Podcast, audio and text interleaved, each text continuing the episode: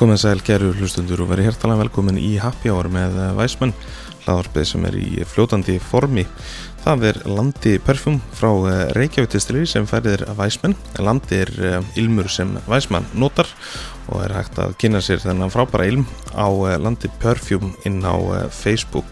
Ef þú ert að hlusta á Happy Hour í fyrsta skipti þá snúast þessir þættir fyrst og fremst um veigar í fljótandi formi. Nú og svo þetta fólkið sem bæði þróar, framleiðir og drekkur veigarnar.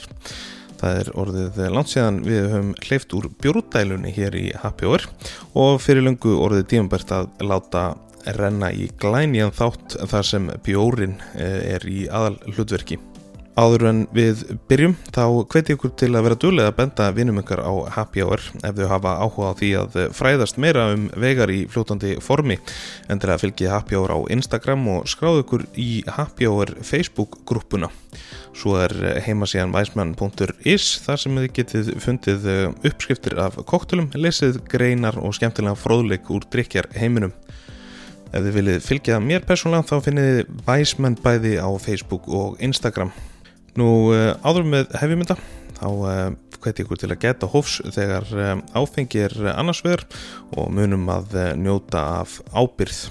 En þá að máli málvana.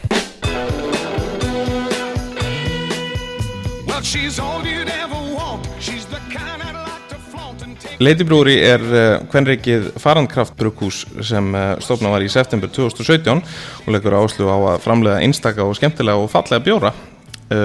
Stofnendur kom á hönnunar, millistar og matargerunum og róta að segja að sá bakgrunnur endurspeglist í þeim bjórum sem hafa komið á markað frá Brewery á undarhörnum árum. Nýlega flutti Lady Brewery í nýjar höfustöður út á Granda en í höfustöðum er tilhörneldús þar sem íslensk náttúra í bjórgerð er rannskuð. Að auki var stofnað leiniklúpur Lady Brewery sem er virkilega spennandi verkefni. Við erum svo með heppin að einn af stofnandum Lady Brewery er gestur þáttarans í dag. Hún heitir Þóri Björg Haldurstóttir. Þóri, ertu hértanlega velkomin í Hafjörður? Takk fyrir að bjóða mér. Bara mínu var ánægum. Já, gaman. Búið að vera langur aðurandi. Já. Ég er náttúrulega eins og ég var að segja þér, ofþar ekkur þá, þá er ég búin að, ofþar mér finnst þetta svo kúl sko, þá, hérna, þá er ég búin að, um, ég er búin að, búin með aðeins niður mig í, í að fjallum bjóruna undanfærið. Uh, ég ætla nú að bæta með því, þannig að þess vegna, hérna, mátti ég til með að, að fá því heimsó, eða öll heldur komið heimsó til þín. Já, einmitt, já, þú ert svona farand sem svo við. Mm -hmm.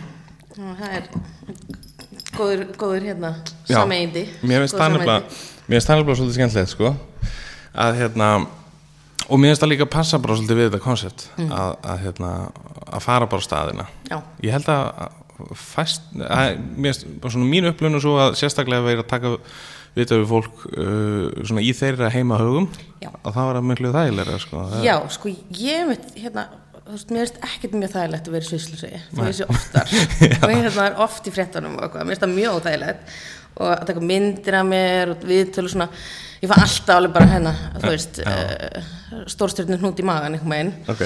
um, en svo leiðu ég komin, þá er þetta ekkert mál, þú veist, alltaf auðvitað. Já, já. og hérna, þetta er bara fólk að spjalla. En, en einmitt, hérna mér fannst mjög þægilegt þegar þú sagði mér, já, ég kemst þín. Þannig ég var eitthvað, ah, ég er bara heim í stofi ok, þú veist, það er svona það var þægilegra, sko. Já, nákvæmlega. Mér finnst það er náttúrulega, það er nefnilega sem er svo skemmtilegt við podcasta, þetta er svona svo góð leið einhvern veginn bara að, að varpa einhverju spjalli út Já. í kosmosinu, sko. En það ég- engin pressa neins það Nei, bara ekki nein, sko. Og best er náttúrulega fólk nennir að hlusta á þetta, sko. annars er þetta bara eitthvað starf í eðurnu Já, já, já, já. fljótandi um, það er líka eitthvað Herru, við ætlum að fara hérna aðeins yfir, um, byrjum svona kannski svolítið á þín ferli Mhm. uh, í bjórgerð. En hérna, uh, sko, Leitibrúr er náttúrulega einstakt uh, fyrirtæki á Íslandi. já, Og mér langar svona aðeins kannski áður við förum í þetta Já. Langar aðeins að koma, koma inn á sko sko svona þegar að tala um konur og bjór og, og, og að setja upp svona smá scenarjó því að Ok. út frá samt, mínum störfum á, á veitikósu, ég veit að þú hefur mikla skoðun að þessu, ok sko út frá mínum hérna störfum á, á veitikósi þá hef ég svo oft séð þetta hérna scenarjó ok, það er þjóttin kemur með drikkin áborðið á bakkanum eru hvítvinsglas og bjór.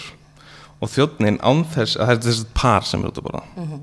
Og þjóðnin á þess að hugsa um réttir konunni kvítvin og mannum bjórin hversu oft þið þetta sinna Það er alveg ástæða fyrir að ég sé alltaf að hérna, segja rosa hátt og snjált konur drekka líka bjór. Já, já, af því að það er bara hérna, og þetta er líka fyndið af því að sko saga kvenna í bjór er náttúrulega bara frá upphafi. Veist, allir vendara bjórsins eru gyðjur, það er allt kvenkins hérna og þetta var náttúrulega tala kvenmansverk þannig að út um allan heim var þetta eitthvað sem að fólk, veist, konur komið saman þú veist, út á stjætt og, og hérna brugguðu. Og hérna og oft notuðu örverur, þú veist, bara uh, úr umhverfinu til að gerja eða um, en þannig eru náttúrulega bara rosa langt aftur í tíman sko.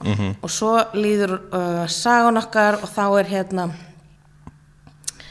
um, já, þá er sem sagt, þú veist uh, konur alltaf í þessu hlutverki og svo verða til um, í Englandi Já. og þær eru konur sem eru með rosalega odd mjóa hatta Mhm. á markanum þannig að þú sjáir hvar þessi frábæri drikkur sem lætið að líða svona vel, hvar hann er. Já, og þær halda ofta kústi og hérna því að út af korninu sko, þær eru að sópa þetta til og halda ketti á heimilinu því að hérna út af korninu svo að mísnar komst ekki kornið og þær eru að setja allskins svona hérna, þú veist, hvort sem það er eitthvað svona mjæðjurtin eða þú veist, hérna, eitthvað sem að hérna, heilar eða, e, þú veist, afrodísjak eða allskins svona náttúrulegar viðbætur í þennan þennan gerjaði drikk já, og hérna og, og þannig að og svo byrjar að græða peninga á þessu og þá kemur kirkjan inn og hérna, og það, hérna þá koma karlmennir og það verður allt brálað og þær eru nornir, þær eru kallar nornir. Já, þær eru sem að brendar um, þær, eru, eru sett lög í Breitlandi um það að sem sagt um, ég man ekki nákvæmlega dítilinn en það er sem sagt uh, gerir konum bara ókleift að brugga þú veist þannig að ef það giftast, ef það eru ógiftar undir ykkur og aldrei þá mega þú veist þanga til svona hinsinn þú veist þannig að ábærslega svona strangar reglugerður um það hérna hva, þú veist í hvar í samfélaginu þú þarft að vera til að geta bruggað. Og hérna þannig að konur eru svona settar út og í Þýskalandi þá eru hérna lögin hérna sem heita ræskibát Einmitt, já. Já, það. Vá, komið sjálfur Rænherskibát, já, þar sem þið setja þú veist, þessi fjögur element veist, það, er bara, það er ekki bjór nema að sé vatn, humlar, korn og ger. Og allt annað er ekki bjór. Og það, þú veist, ok, nú er ég ekki að fara með staðrindir, nú er ég að tólka söguna. Og Já, þetta já, er svona hérna, okkar tólkun og, og, og margra já, já. í dag. Sannleikur, sko, sagði má ekki líða hvernig var þetta? Að þetta var einhvern veginn. Já, eitthvað gott. Uh, já, þannig að hérna og þetta er náttúrulega líka þú veist, svo að hérna, þessar konur get ekki verið með sett þessa náttúru í bjóri sinn og þessar viðbætur. Og Já. hérna þannig að sko, og það er bara fyrir 150-200 árum þar sem að kall, þetta verður svona karlægur geiri, þú veist, þetta verður karlmannsstarf Já, já. að brugga. Og hérna og svo er það náttúrulega bara Amerika kemur með hérna kraftbylginu sína, þú veist 80 cent, 90 snemma eitthvað um, Fullt af mönnum með mikið skeggi Já, þú veist, það sem skeggjaði mann kemur og skeggjaði maðurinn, þú veist, en í 1950 þá, þú veist, 50-60 þá eru auglýsingar. Þar eru konur sem halda bjór. Og það er miklu meira konum sem halda bjór heldur en kallmönnum þetta er svona malbróðauglýsingin fyrir bjór. Uh, þú veist, hann er frábær fyrir þig. Já. hann, grennir þig eða eitthvað, þú veist, ég veit ekki, nú er ég búið til. En Já, hérna um, og það er bara, þú veist, og svo bara út frá þessari bylgju eitthvað staðar, þarna á milli hvað segja, 70 og 90 Mhm. þá verður þetta svona hérna að náttúrulega gerist náttúrulega allskins bara að því ég er hönnur þú veist, í grunninn og þá líka skilja sögun út frá bara svona auglýsingar og hönnun, þú veist, það er hérna allsbærakonan, eða þú veist, bikinikonan kemur að búna bílinn Já. Æ, þú veist, mm -hmm. rappmyndböndin, þú veist, tónlistu fylgir, allt einhvern veginn hérna, í ykkur svona samingi. Uh, þannig að já, til að koma að hérna þessu senur eftir þessu langa sögu sem, sko. sem þú byrjaðir á, að þá hérna, já, það er, það er daldið svona, uh, það er gert í dag að, að rétta hvernmanni hvítinsglasið og kallmanni bjórin og það kemur bara út frá þessu af því að þetta er bara veðaminni, veist, þetta er bara það sem að við erum að horfa á. Og, og hérna, veist, það sem búið að vera að segja okkur. Já.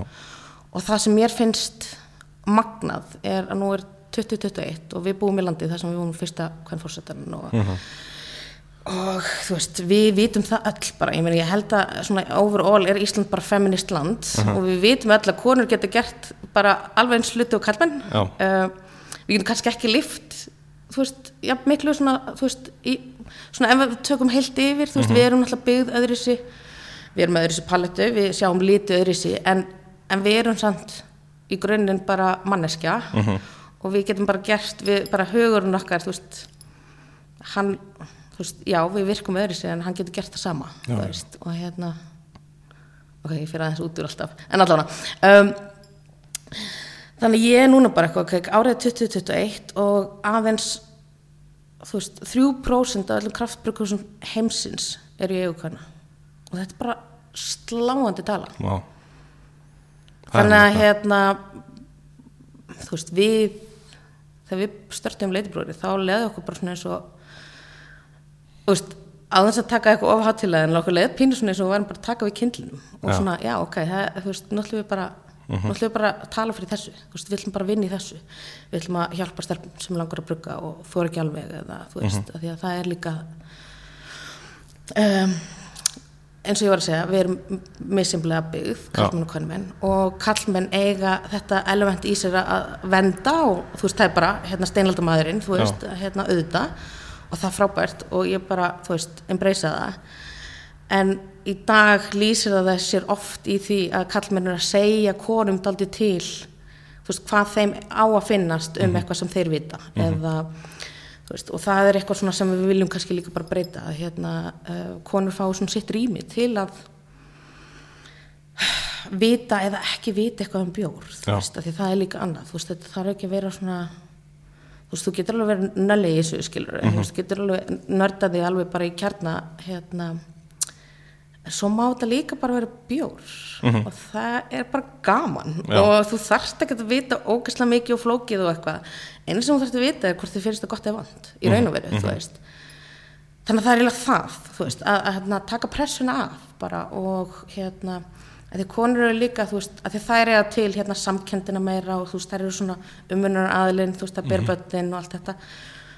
Og ég allir ykkur myndlíkjum, já, ok Já, ég bara, ég hef svo gaman að þessu, sko, ég gerði, ok, en allavega hérna, ó, fólk heldur alveg klikkuð, já, já, um, nei en, alls ekki, nei, ég alveg, nei, þetta er bara, þetta er svo gott stöf hérna, sko. en þú veist, þá held ég að það þú veist, komi með því að hérna, þær eru þú veist, þetta er svona eins og í þú veist, þetta er mikið talað um þú veist, í skóla þú veist, hérna, bekkjum að þá hérna, það er spurt spurning og strákarnir bara rétt upp hönd þó þið veit ekki svarið. Já, konur þurfa rosa að vera vissar á sinni könnu að þeir viti svarið. Og þetta er bara eitthvað svona element í okkur. Og þetta er ekkert eitthvað engum að kenna þú veist, þetta er bara hérna, uh, þú veist já, þetta er kannski bara partli hvernig við erum byggðu partli hvað samfélagið er að alltaf að segja okkur eða mat okkur, þú veist, hérna með. Og hérna og þú veist, það er eiginlega þetta. Mér langar svo mikið að konur bara rétt upp hönd og segja bara eitthvað. Að því að þú mátt gera mistök að því að þegar þú gerir mistök þá gerast geggjaði góður hlutir sko. þú veist, það er bara mistökin eru yfirleitt best sko. og þarna kemur hönnuðurinn í mér Já, fram sko, að því ég er bara, ef þú gerir ekki mistök þú veist, hvað er að gera, eða skilur það er bara algjörlega, ég er svo þú samanlegar. veist, þú þarft alveg bara, þú veist, eitthvað helst að setja ykkur þrjú fyrirtæki í hausinn áður en þú hérna, verður að CCP eða eitthvað, Já, að ég skilur þú já, veist, það er bara veginn það er lægi, sko. Um, Mér finnst þetta sko orðið svona, þetta hefur kannski vestnað svolítið mikið bara á undanfændum árum hver, hvernig þessi hugsun er. Og að því við erum að tala um þetta þá einhvern veginn fekk ég rosa reality check með þetta um daginn þegar ég var að keira og ég, og, talaðum við ég á tvær dætur sko. Mhm, já, einmitt. og ég var eitthvað að tala um eldri og hún spurði hvað hva hérna langar að verða þú veist, og, eða þú veist, langar, myndið þú ekki vilja vera bara fórseti Mhm. fórseti, konur get ekki verið fórsetar já, einmitt. Og ég var bara já, já, já, já, já, einmitt. Þetta er náttúrulega kynsluðin sem að er ekki alast upp með já. þeim fyrir sem við eða þú veist, vitið sér, sko. Þannig, já, einmitt. Þetta var rosa reality check já, sko. Og þá náttúrulega sjálfsög tók maður en veitist drur og það er líka eitthvað ný, ný komin út eitthvað bók eða svona tiltöla Mm. um Finnbóðadóttir Já, já, fórseti, eitthvað, hérna, að það er ágætt. En þetta er einmitt mjög áhugavert af því að maður er að, ég er að alveg stelpu líka. Mhm. og þetta er líka alveg bara einmitt hvað vill maður kenna þeim, hvað vill maður eða þú veist, Mhm. hérna, hvernig hérna fyrir þetta náttúrulega ömurina sem er í gangi í heiminum en hvað er, vill maður staðsetja þær í hérna párunu sínu, sko. Algjörlega. Æ, skilur þau En svo við svörum þessari spurningu. Þú veist, er ekki bara málið að fólk á bara að fá að drekka það sem það vill og áháð ykkur á enginn að segja hvað það er og eitthvað svona. Og mér finnst líka afar heitlandi þegar bara hver sem er hefur actually bara tekið einhvern drikk og, og, og, og spurt sjálfur sig af hverju finnst mér þetta gott? Já. skilur einmitt, eða af hverju er þetta ekki að hitta í marka mér? Hvort sem það er bjór eða mjöður eða rauðvin eða whatever sko. Já. þetta finnst mér að þetta vera já, sko pælingi bara með þannig er ég bara alveg samlega ég hérna, og einmitt skemmtilegt að fara þangað því að við fáum ábærslega mikið þú veist, við fáum ábærslega mikið af bara konum sem vilja bara vera með eitthvað liði. Já. og margra af þessum konum fer drekka ekki bjór. -hmm.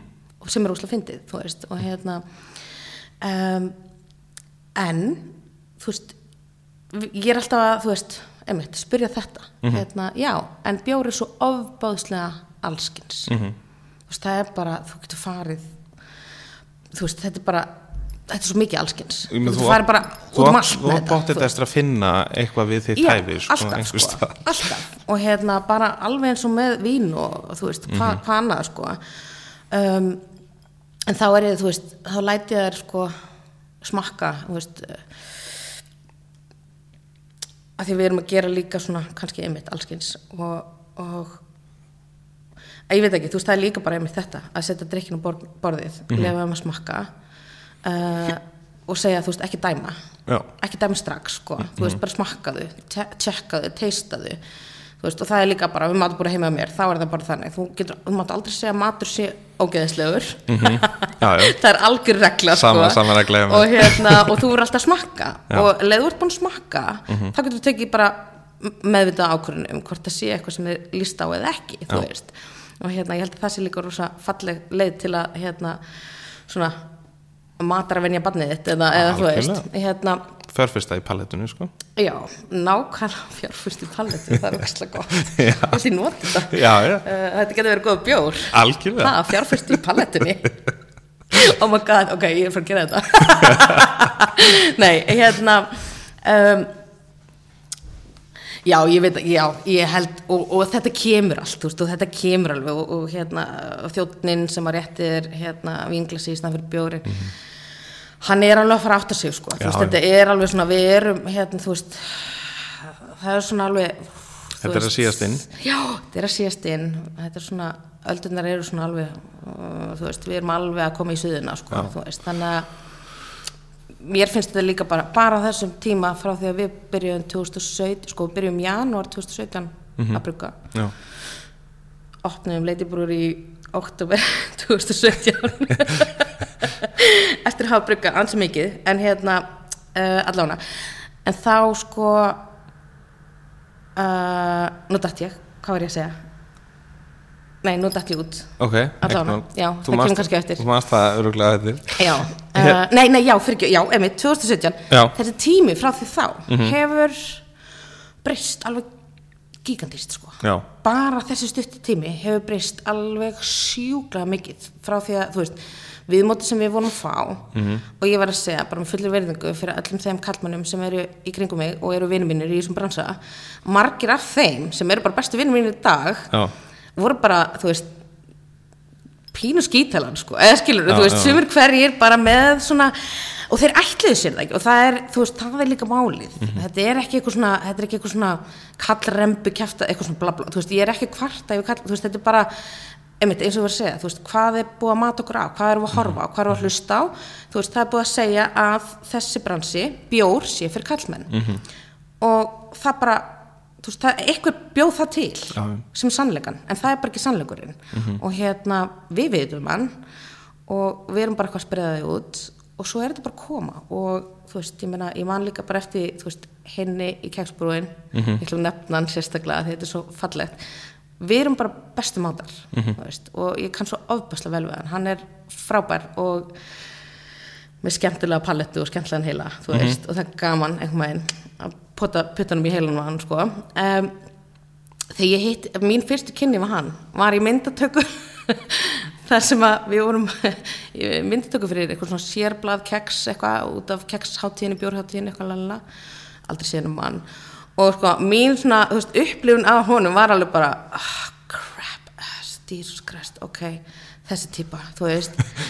Og hérna svo bara, þú veist, svo fórum við í ægiskarð saman. Já. og vorum náttúrulega að brugga því að keksbrúin var líka gypsy. Já, já, og þú veist alveg að fimm, skilur þú veist, þannig að þetta er ekki þetta, það er ekki það að þú ert eitthvað svona hinsinn, þú veist, þetta er ekki það að kallmenn séu svo eitthvað ömulegir, þú veist, það er bara þvert á móti, ég elska kallmenn, skilur það er bara þú veist, það er bara búið að vera að segja okkur eitthvað, of Já. lengi of mikið, og þú ert fann að trúa því. Þú veist, þetta er bara svona hálfgerð heila þóttur, skilur Mhm. Já, og hérna sem kemur bara út frá þessu sögu sem við fórum yfir aðan sko. Þannig að þetta er, já. Þetta er náttúrulega, þú veist ég held nefnilega að fólk þurfi svolítið bara að, að muna það að hérna að spurja sig, þú veist af, er, ég, er ég að drekka þetta hérna núna Mhm. af því að einhver annar sagði mér að gera það?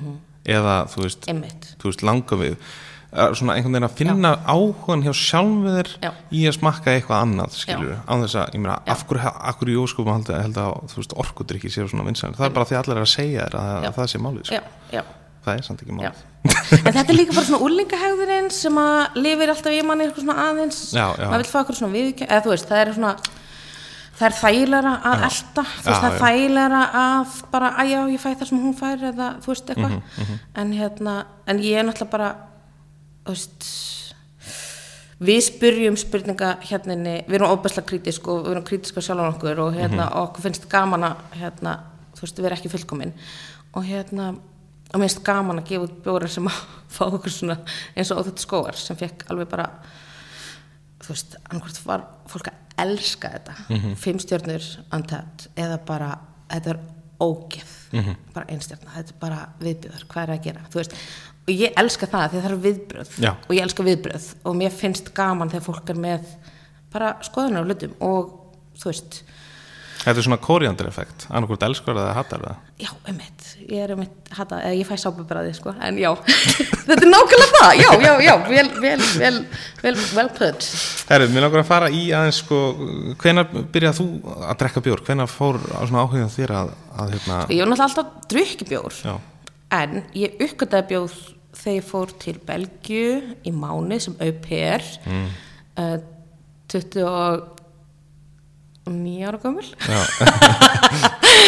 vinkunum mín flutti hún var að fara í námúti og hérna var hann í hætti sambandi og ég fór og, hérna, hjálpaði hann að koma sér fyrir og, og ákvaða að taka mig mána fyrir og vera au pair og hérna. Um, þá við því líku staðið til þess að uppkvæmta bjór? Gekk, sko ég uppgötaði hann líka bara þetta var svo, þetta er mjög kosa þetta er mjög kosa, já, ok, já. be prepared. Við erum sagt, ég er au pair Mhm. í, í hérna, þessu útlandi og það er ógslag heitt og það er gaman hjá okkur og við erum svona röltum hverfin til að tjekka hvar eru svona góð skólakverfi fyrir stónennar sem er fjöruna og ég er hérna uh, og, já, og við áttum eitthvað fund með einhverjum, varðandi einhverju íbúðu eitthvað, eða við ætlaðum að hitta eitthvað, ég mann ekki alveg hvernig það var. Og við komum við að okkur svona, svona sem í kaffehúsi eitthvað svona kaffevest típu Já. og hérna með bjór. Og ég fæ mér þar hérna uh, belgiskan kveiti bjór og uh, La Chouf held ég að hafa verið bara eitthvað svona uh, eitthvað af þessum original típum hana. Um, og svo kemur mannski og ég er bara búin að taka með tvo sopa og svo kemur mannski þannig ég bara, og þetta er geggjaða bjóður þannig ég bara tjögg hann sko, ég bara glugg, glugg, glugg þú veist, og hann er náttúrulega bara afbærslega hári prósentu. Og svo er hitinn og við eitthvað tölum við hennar mann og svo löpum við á hérna næsta, næsta róló og löpum krakkarum að, hérna klifra. Já. og hérna og ég er bara eitthvað og Jóhann er vinkunum mig lítur á mig og bara Þórið þú ert bara full. Þú ert bara auper full á róló miðan dag. Og ég var eitthvað bara oh my god. Og þá var ég bara ég þurfti bara að setja sniður þetta var alveg svona wow veist, en þá bara hafði ég ekki uppkvæmtað bjór sem getur verið svona hári prósentu Já, þú veist. já. Og svo náttúrulega líka, ég var ekki búin að borða og það var ekki sól, lalalala og ég þurfti bara að sitja neyður í kortir og bara, hérna, þú veist Það láta svo- renna af mér á róló þú veist, eitthvað í belgi bara. Um, þannig að það er eiginlega þar sem að já, og þá fyrir ég að drekka bara, þá, eða svona, já þá fyrir ég að drekka. Þá fyrir ég að smakka Mhm. öllu heldur. Og hérna það er svona kveikna á nördinum Já, og það bara, þú veist, belgiski bjór ég er náttúrulega bara, það er rosa mikið í hjartastað sko, belgiski Já, bjór, já. bara örgla út frá þessu sko. svo kem ég heim og þá fer ég á keksið og ég fæ kveitibjör frá keksbrúin þannig að henni, eða ég veit nú hver hafði brugaðan en hérna, ég sé alltaf henni sko. og hérna uh, þeir voru hann fleiri, steini og ekkurir voru þá um, og og þá bara eitthvað, vá, þetta er til á Íslandi eða þú veist, þá uppkvæmta já, ok, hérna og þetta heitir kraft þetta er, þú veist, já, þetta er svona, í hérna í Belgíu og þú veist, munkarnir og eitthvað svona allskens og bla bla bla og bara, já, ok, þetta, þetta er bara eitthvað svona dæmi sem til Mhm. þú veist, að því að ekkert eitthvað, gruggaði í þessu neitt sko. Nei, nei, nei. hérna um, þannig já þannig, þannig kom bjór áhugin og svo hef ég leitað á þessum, þú veist, kveit, þú veist, í minningunni er þessu kveiti keksbjór, sko, fylgkomastu bjór í heimi. Já. þannig að ég fekk líka alveg svona einskjæran áhuga að gera kveitibjóra ok, til að ná þessum kveitibjór ég er ekki búin að ná honum sko. En ég held að það sé líka málið með sko bröð og minningar. Þú veist, Já. það er svo þú veist, ég er hérna pallinum Mhm. eða, þú veist, öll besta fólkinu mínu í sólinni, þú veist, sandalunum eitthvað að drekka hérna kveitibjór það er allt fullkomið og það er líka annað með bjór þú veist, hvern, hvern er þetta dæman Mhm. með hvernig ertu? Í hvernig umhverfi, hvernig líðið er? Þú veist, eitthvað.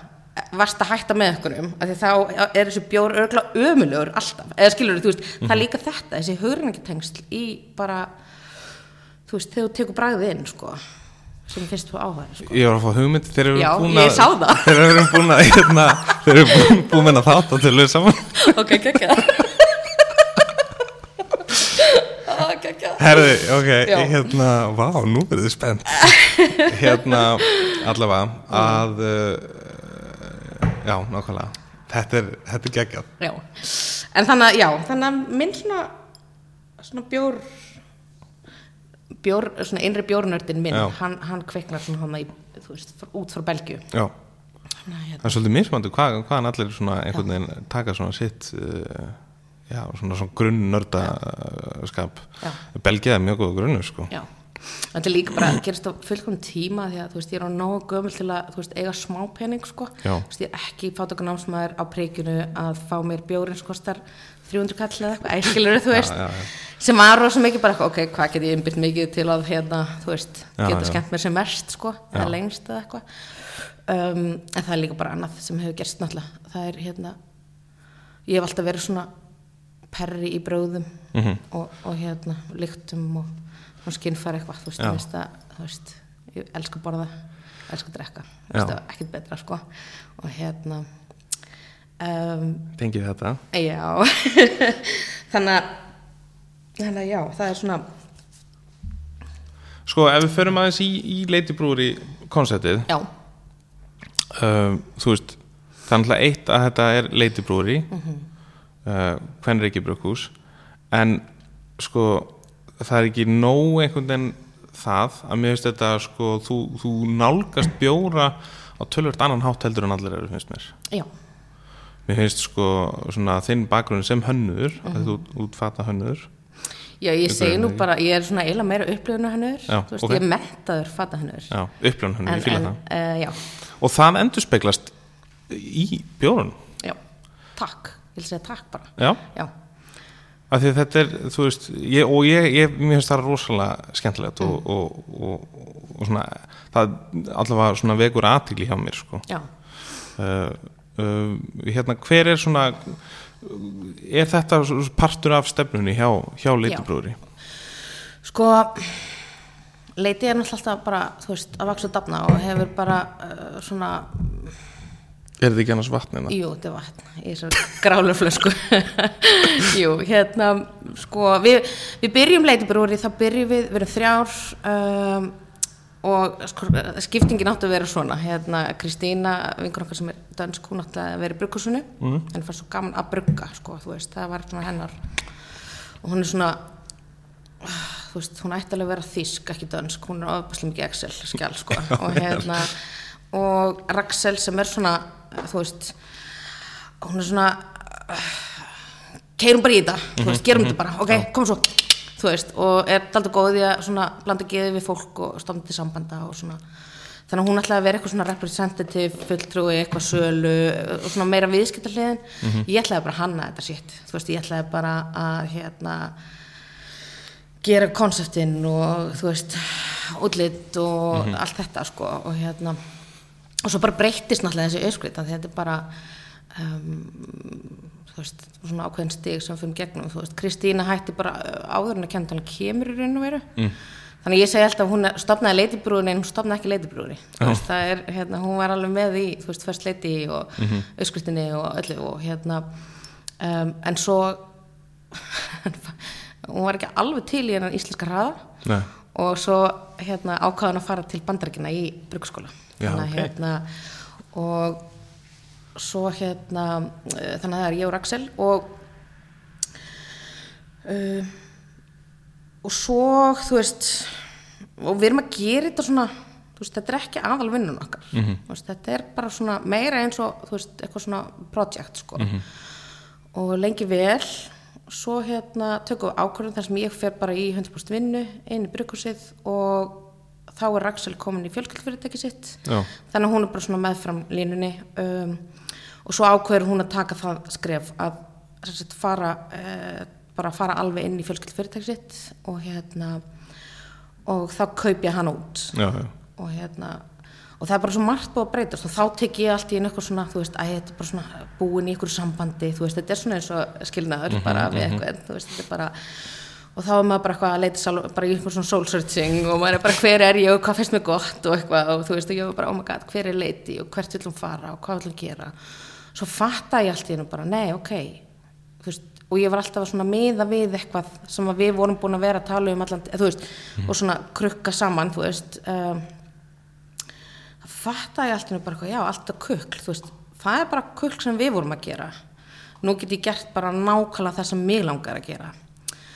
Og það bara, þú veist, það bara núlpunta ég, mm -hmm. af því mér finnst líka ógustlega helbrygt að bara, það má bara endur hanna, endur hugsa allt frá upphafi. Mm -hmm þannig að ég tók bara svona veist, uh, maður minn, Baldur Björnsson uh, myndlistar og ráðtjónsmaður, hann gerir grafíkina fyrir okkur, af því að ég er ekki grafíkur hannur þó ég get notið forrætið og hérna og hann hefur verið með frá upphafi og það var basically bara því að ég ætti menga pening og ég gæti borga honum í kosum skilur við, þetta var mjög veld og hérna og, og hérna, það er nú annaði dag en, en hérna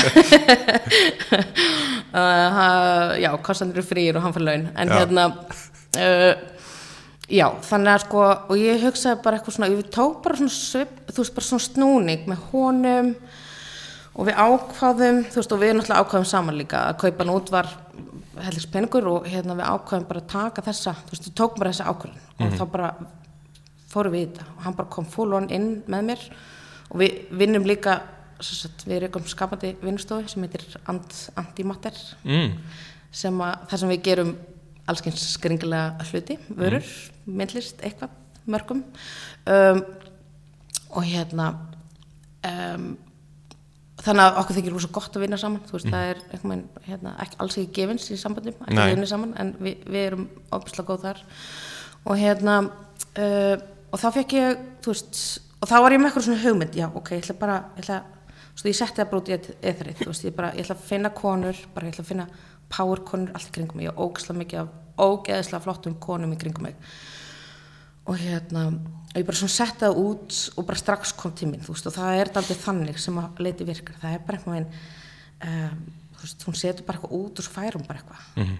ég þarf rosa sjaldan að senda e-mail hérna þú veist, hælangaðir í samstarf, það er yfirleitt hérna komið til mín og bara eitthvað, þú veist, en þá var ég búin að vera að hugsa um það, þú veist, þetta er bara eitthvað -hmm, svona mm -hmm. píngaldrar, sko, mm -hmm. og hérna, um, já, og þá, sem sagt, uh, kemur Sigga með mér, Sigga Áskers inn í leiti og hún er búin að vera með okkur alveg í ár og núna verður hún svona, og við vorum svona að máta, máta okkur saman og hérna, og nú er hún kannski bara meira að fara út í veist, að halda viðbyrði hún er ofbúrslega góð með fólk sko. hún er bara, þið langar svo mikið að vera veist, þið langar bara að vera mem, mem skilur, Já, veist já. bara hún bara svona nærðir og grípið hún er ógeðslega fyndin og skemmtileg og hérna góð típa og svo er Elin Rund, hún er komin inn og hún er sérfræðingur í íslensku náttúru Mhm. og er hérna einn af stofnundum Nordigangan og Já. hérna og hún er bara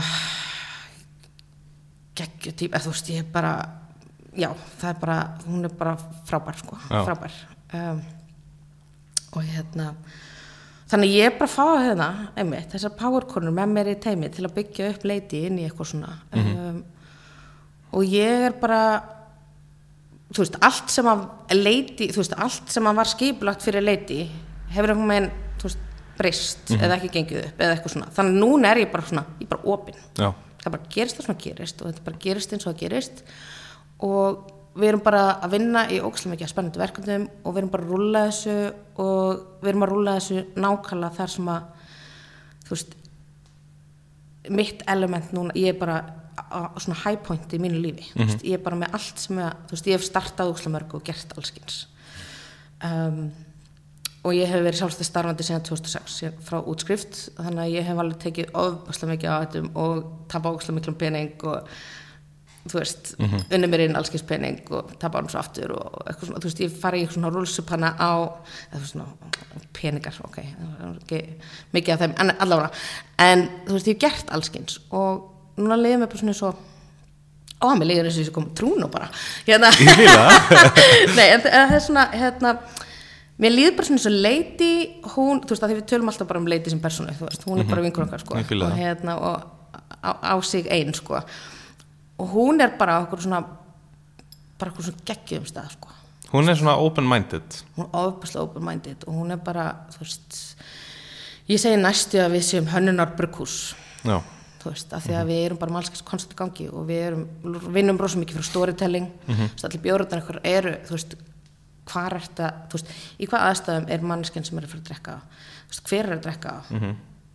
hérna, með hverjum er hún, þú veist, hvað er hún að líkta, hvað er hún að skoða, hvað er hún að, veist, hvað er hún að upplifa, þannig að við pælum rosa mikið í, hérna, um, og stundum kemur sko uppskriftin fyrst, þú veist, eða eitthvað hráðin sem langar rosa mikið að nota, eða litur, eða, þú veist, það er eitthvað svona allskins, en stundum kemur líka bara grafíkin og bjórin gerir út fyrir grafík sem líka úsla fyndi nálgun þú veist, þetta er svona parar bjórin við mat eða matin við bjór, þú veist, þetta er aldrei það.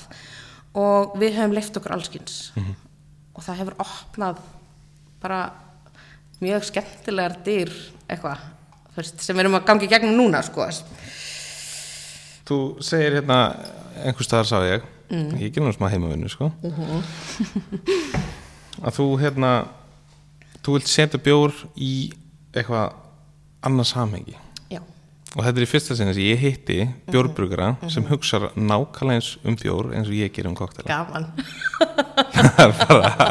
Ég veist það rosalega, rosalega gaman. Já, já, að því þetta þetta snýst ekkit endilega alltaf um drikkin, þetta snýst í raun ekkit bara, kannski ekki, bara alls ekkit um það. Nei, einmitt. Þetta snýst um bara momentið já, ótrúlega mikið og heild, þú veist um, nei, mér finnst þetta rosa gaman að koma og það er líka kannski hérna af því að ég er ekki mentuð Mm. þú veist, ég er sjálfmentuð Já, já, já. og og þú veist ég náttúrulega bara les mér ofbæslega mikið til um allskeins og svo fæ ég eitthvað heilan og þá er ég bara að tala um það í tvo mánu og maður minn er bara já, já, þú veist getum við hægt að tala um kornið núna þú veist, eða eitthvað, skilur þannig ég fæ eitthvað svona element á heilan og, og hérna um, þannig að kona mig getur hringt í mannið þitt. Til að kvarta einmitt. Ok, ok. Uh, já, einmitt. Uh, en þú veist, einmitt þetta er, ekkit, þetta er ekki og ég er einhvern veginn aldrei keppast við að gera æ, þú veist, mér finnst svo fallegt hvað kraftbrukusin og brukusin hérna heima eru með mismunandi í gangi já, já, og bara sumir eru að leggja áherslu á hérna, þú veist, ákveðna stíla eða sumir eru að leggja áherslu á þú veist, húmor eða þú veist, í nöfnum og eitthvað svona, þú veist. Sumur eru eitthvað svona, æ, þú veist, það er bara svona allskins gangi og það er Já, svo já, geðvegt skemmtilegt, sko. Og ég er bara, ég elska og ég elska samkettni og ég elska fólk sem er að gera og ég, sko. Já, ég fíla þetta, sko, þetta er punktur hjá þér, en þess að sko, þetta er svo ekki íslenskt fyrirbæri, mm. þess að á Íslandi þá eru rosa mikið um það að menn herma bara eftir næsta manni, sko. Já, En það er einhvern veginn minna af því finnst mér, minna af því. Að sjálfsög er það eitthvað, en, en þú veist, Já, en það er líka kannski af því að þú veist, það kostar þetta aldrei að hérna þú veist, þetta er kannski ekki alveg ég veit ekki, kannski af því að bransin ungur. Um, en svo Það er eru, þú veist, það eru bara ekkert allir innovative heldur, sko. nei, með mig hvað það eru sumir eru bara svona já, bara copycat skilur Já, en, já, en veist. En, en það já, já, það er alltaf bara eitthvað, þú veist, snúðubúðin og svo mm hinn snúðubúðin hliðina og svo er þetta gatan á snúðubúðinum, skilur og þetta er í öllum borgum, þú veist, þú bara, hérna uh, nei, emitt ég, en ég líka bara, þú veist, ég þrýfst ofbaslega mikið á því að gera eitthvað sem er ekki verið að gera. Já, hérna er spurningin alltaf varpað fram, er eitthvað að gera þetta? Já, og ef að svara er já, þá gerum við það ekki. Nei. Þá bara skrætsu þessu hugmynd fáum nýja af því við hefum nóg af þeim sko. já, og hérna inni er bara nóg til að hugmyndum allt og mikla sko. veist, Mhm. ég þarf svo mikla peninga núna því að mér langar svo að gera mikið. Ég er bara eitthvað, oh my god. Um, en hérna, sko ef við værum copycats þá værum við náttúrulega alltaf að fara að búa til sko einhverja svona samsteipu af eh, svona einhverju baði og matöll, bara svona, svona matbað. Já. Það sem baðir í júsú. Ég hugsa að það væri gælu er það ekki? Jú. Ó, jú, alveg spot on. Já, matbað, sjóhöll eitthvað svona. Ég held, elska líka, þú veist, nöfn og svona veist, þegar hérna Æ, þú veist, það komið svo bylgjur Þú veist, allt heitir Á tímbilegu hétt allt dóttir eða son Já, Þú veist, þetta meins og Æ, þú veist, allt þetta hérna Mhm. Þú veist Já, þetta er svona hérþegunar eitthvað. Þetta er skemmtilegt. Það er mjög áhuga En hérna, uh, segðu mér aðeins frá koma aðeins inn á dagann Mm. off the record, sko. Uh, hérna uh, tilvernar verkefni með, með hérna, íslensku júrstinnar Já, já, einmitt, sko.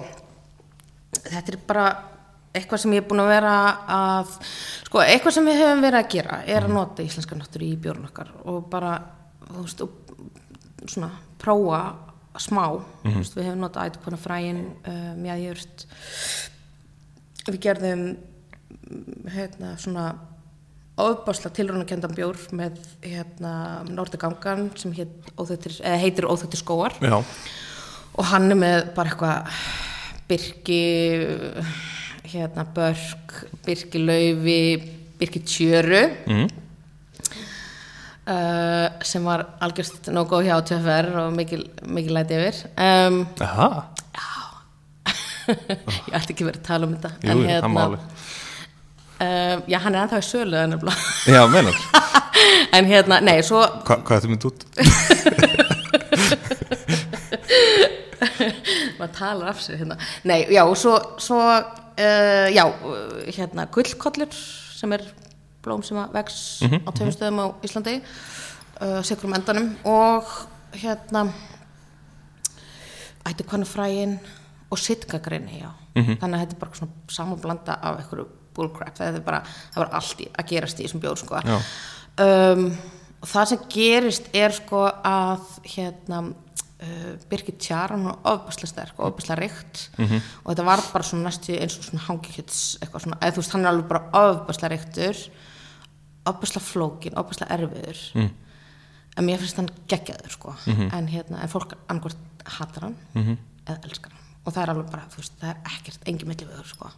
Og hérna þannig að, og við höfum gert með von Matús uh, von Bjórin, veist, þar þar voru rosa mikið að skoða íslensku söguna á bjórgerð Já, þannig að hérna já. mjæðjurtin var notið til að smyrja tunnurnar mm.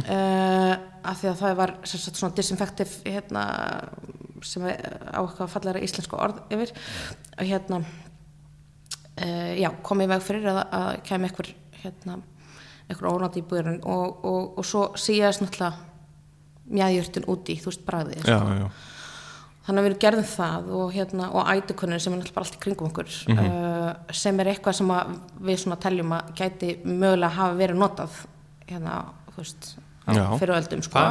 líklegt sko Já, þetta er bara svona, veist, þetta er krydd, þetta er, hérna, og hún er með allskins, hérna, eiginleika í sér og bara þegar maður, og þetta er líka svo áhugavert í íslensku náttúru, þú veist, þegar maður skoðar, sko, eiginleika í þetta, hvað, hvað það er að gera, það er bara svo, þú veist, það er bara svo, þetta er bara svona heimur sem er bara beautiful, sko, hann er bara, þetta er bara geggjað. Þannig að, þannig að við erum búin að vera svona eitthvað að flörta við þetta lengi þú Já, veist, og svona aðeins. Og svo tókum við bara í þú veist, COVID en skrítið ára það var hérna í fyrra að þá við leið bara svona eins og ég hefði fengið að hugsa í heilt ár. Já, það var geggjað, þú veist, Já. mér leið svona eins og ég væri bara í artistressetas í eitthvað staðar að hugsa, ég þurfti úslega lítið að selja bjórin. Mhm. þú veist, já, já, engin innkoma og allir blankir en þú veist, whatever. Það var bara eitthvað meginn, ég fekk rosa mikið bara svona andri mig til að svona hugsa og skapa. Og þar kemur upp bara, ok, gerum þú veist, opnum tilrunældus þú veist, við fáum hérna þetta rými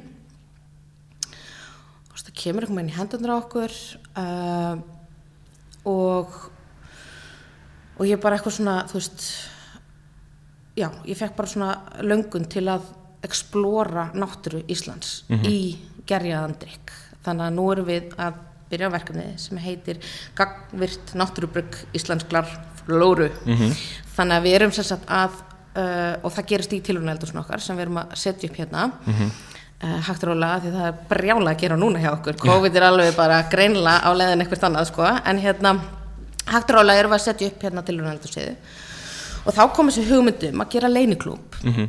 að því okkur vantar rosa mikið allskins fólk til að segja okkur hvort þetta sé eitthvað eða ekki veist, þannig að okkur vantar er rínishóp og við bara eitthvað, ok, það er geggja að gera bara klúb, þú veist, að því við hefum ofbæslega mikið fólki sem að hérna langar rosa mikið að versla beint af okkur Já. og hérna við höfum ekki getað gert það.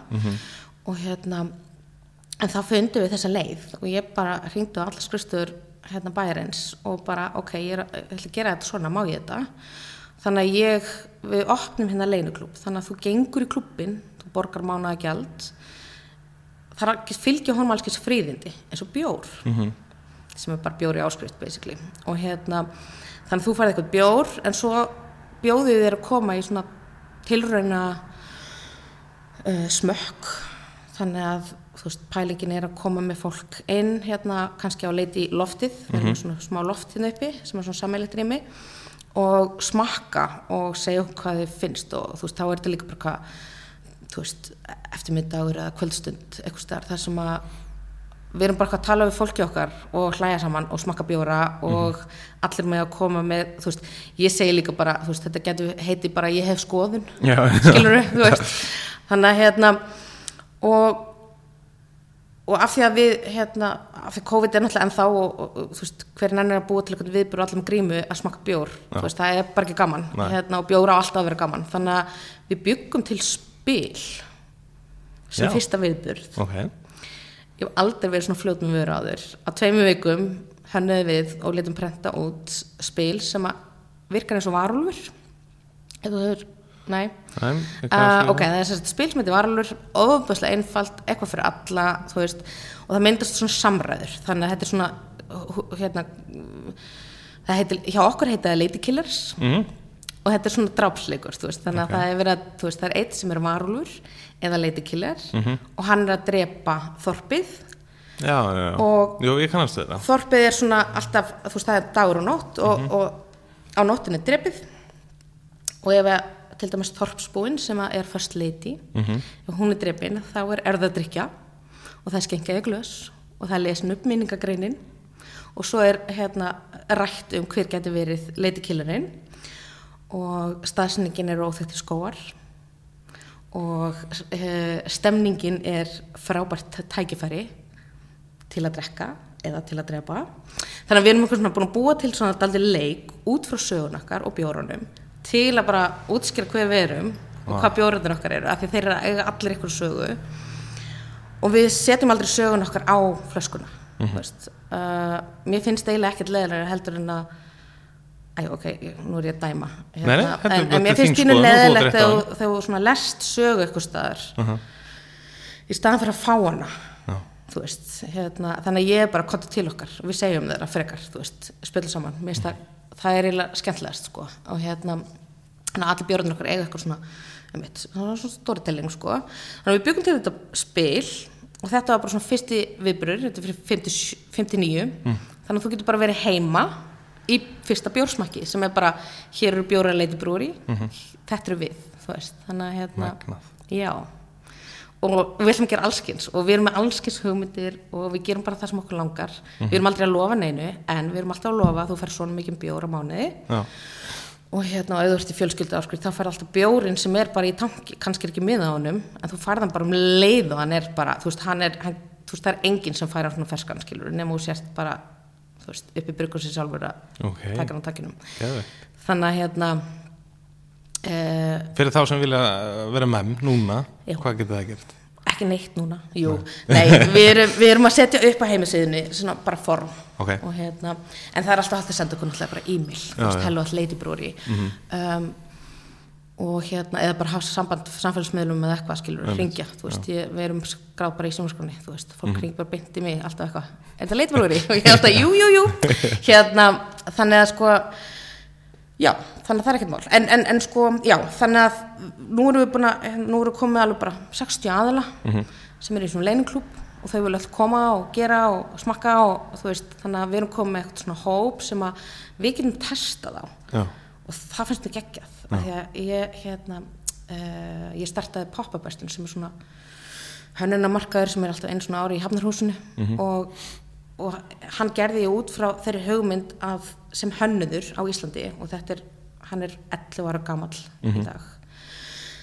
Um, þá er svo mikilvægt að kynnast kunnanniðinu þú veist, hver er að kaupa vöruna hérna um, og það er svona sama hugmynd hérna, þú veist, mér langar svo að hitta fólkið okkar Hitta veist. markhópinn. já, og hérna og, og þá er líka pæling að hérna, þú veist, við erum köpa græður hérna inn og það verður tilruna eldús og þar gerum við allskist tilruna lagnir og þannig að núna í sumar þá ætlum við að fara út í haga að týna og við erum komið eitthvað svona áætlun um uh, þú veist, við erum með sjö hluti á planinu sem er alltaf mikið, þú veist, það er hérna eins og okkur allavega langar að týna og byrja að hérna gera tilhörnum með. Tilraunir með.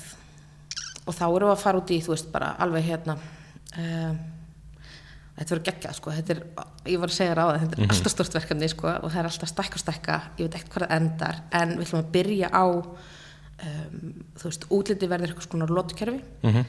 og lótukerfið um, referensar í sem sagt bæði jurtir, liti, áferð uh, hugrann tengsli þannig að þú getur taldið, lesið úr kerfinu hérna uh, já, eða sem sagt á endanum, það kemur eitthvað afurð þannig að við gerum kannski, við uh, tökum eitthvað, eitthvað eitt hráöfni og við, veist, þurrkum það, við fristum það við, hérna, notum það ferst svo notum við það í söðu við notum það í þurrhumlum notum, veist, þannig á mismunandi stöðum og svo komumst við að því og svo kemur leinuklubburinn og allir smakka og það er gaman og hérna svo komst það að því bara þetta hérna er málið og þá er kannski komin einhver uppskrift af ykkur og þá fer hún bara í framleiðslu um, bara one-off framleiðslu vantala og hérna en alveg í magni, þú veist, eins og við gerum bara og um, og þá verður eitthvað svona QR-kóði þar sem þú getur QR-kóðað þú veist, á þessu lótukerfi og þá getur þú séð bara, þá fyrir beintin á vefsíðu og vefsíðan segja til um bara hvar landinu við týndum júrtina hvernig við verkuðum hana hvar við settum hana í brugginu þú veist, uppskriftin í bjórnum um, þú veist, hugrann tengsli sagan, þú veist, allt saman. Þannig að þetta er bara svona verður eitthvað skonar um, Bara svona banki já, náttúrubrugg, Já, þú veist, það, svona, það, það kemur nafnið sko, en þetta verður eitthvað skona banki, það sem að þú veist, við erum að taka íslenska náttúru í gerjaða drikki mhm, mhm, og ég var í mynda, hérna, þú veist, og nú erum við komið aldrei langt að því við erum alveg komnar í eitthvað svona hú, hérna, kannski endar þetta ekki bara í bjór, þú veist, kannski fyrir þetta eitthvað lengra sko, en við ætlum að byrja í bjórnum og taka bara alveg það fyrir.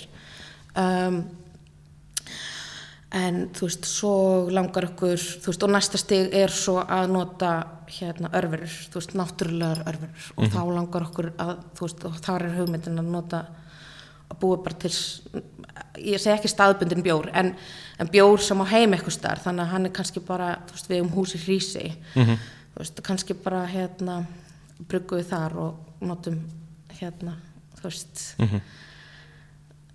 mikroverðnar í hrísi Já, veist, já. og tínum ætukvenni hrísi og bla bla bla þú veist I don't know, nú er ég að tala eitthvað af mér og út fyrir ramman sko, en, en, en já, þetta er svona verkefni sem að við erum óbærslega heitt fyrir og þetta er mein, bara núna lifi og hræðist í þessu mm. -hmm. alltaf, Ég get sagt þér það strax að þú spáði sko, veist ekki hvað endar. Það er endalust ég veit það. Að hérna, en ég er alveg bara að þú verður að búið til rammetan og svo, jísus, þú veist. Af því að þetta er bara eitthvað ég held bara að því fyrir svo sætti við að þetta er endalust því veitur að það bara minn út frá því. Af því að sko, Já, það sem ég hef átt að má varandi íslenska náttúru og jurtir að ég er svona jurtanörd já, uh, því meira sem þú veist því meira veistu hvað þú veist líðið í raun og veru sko.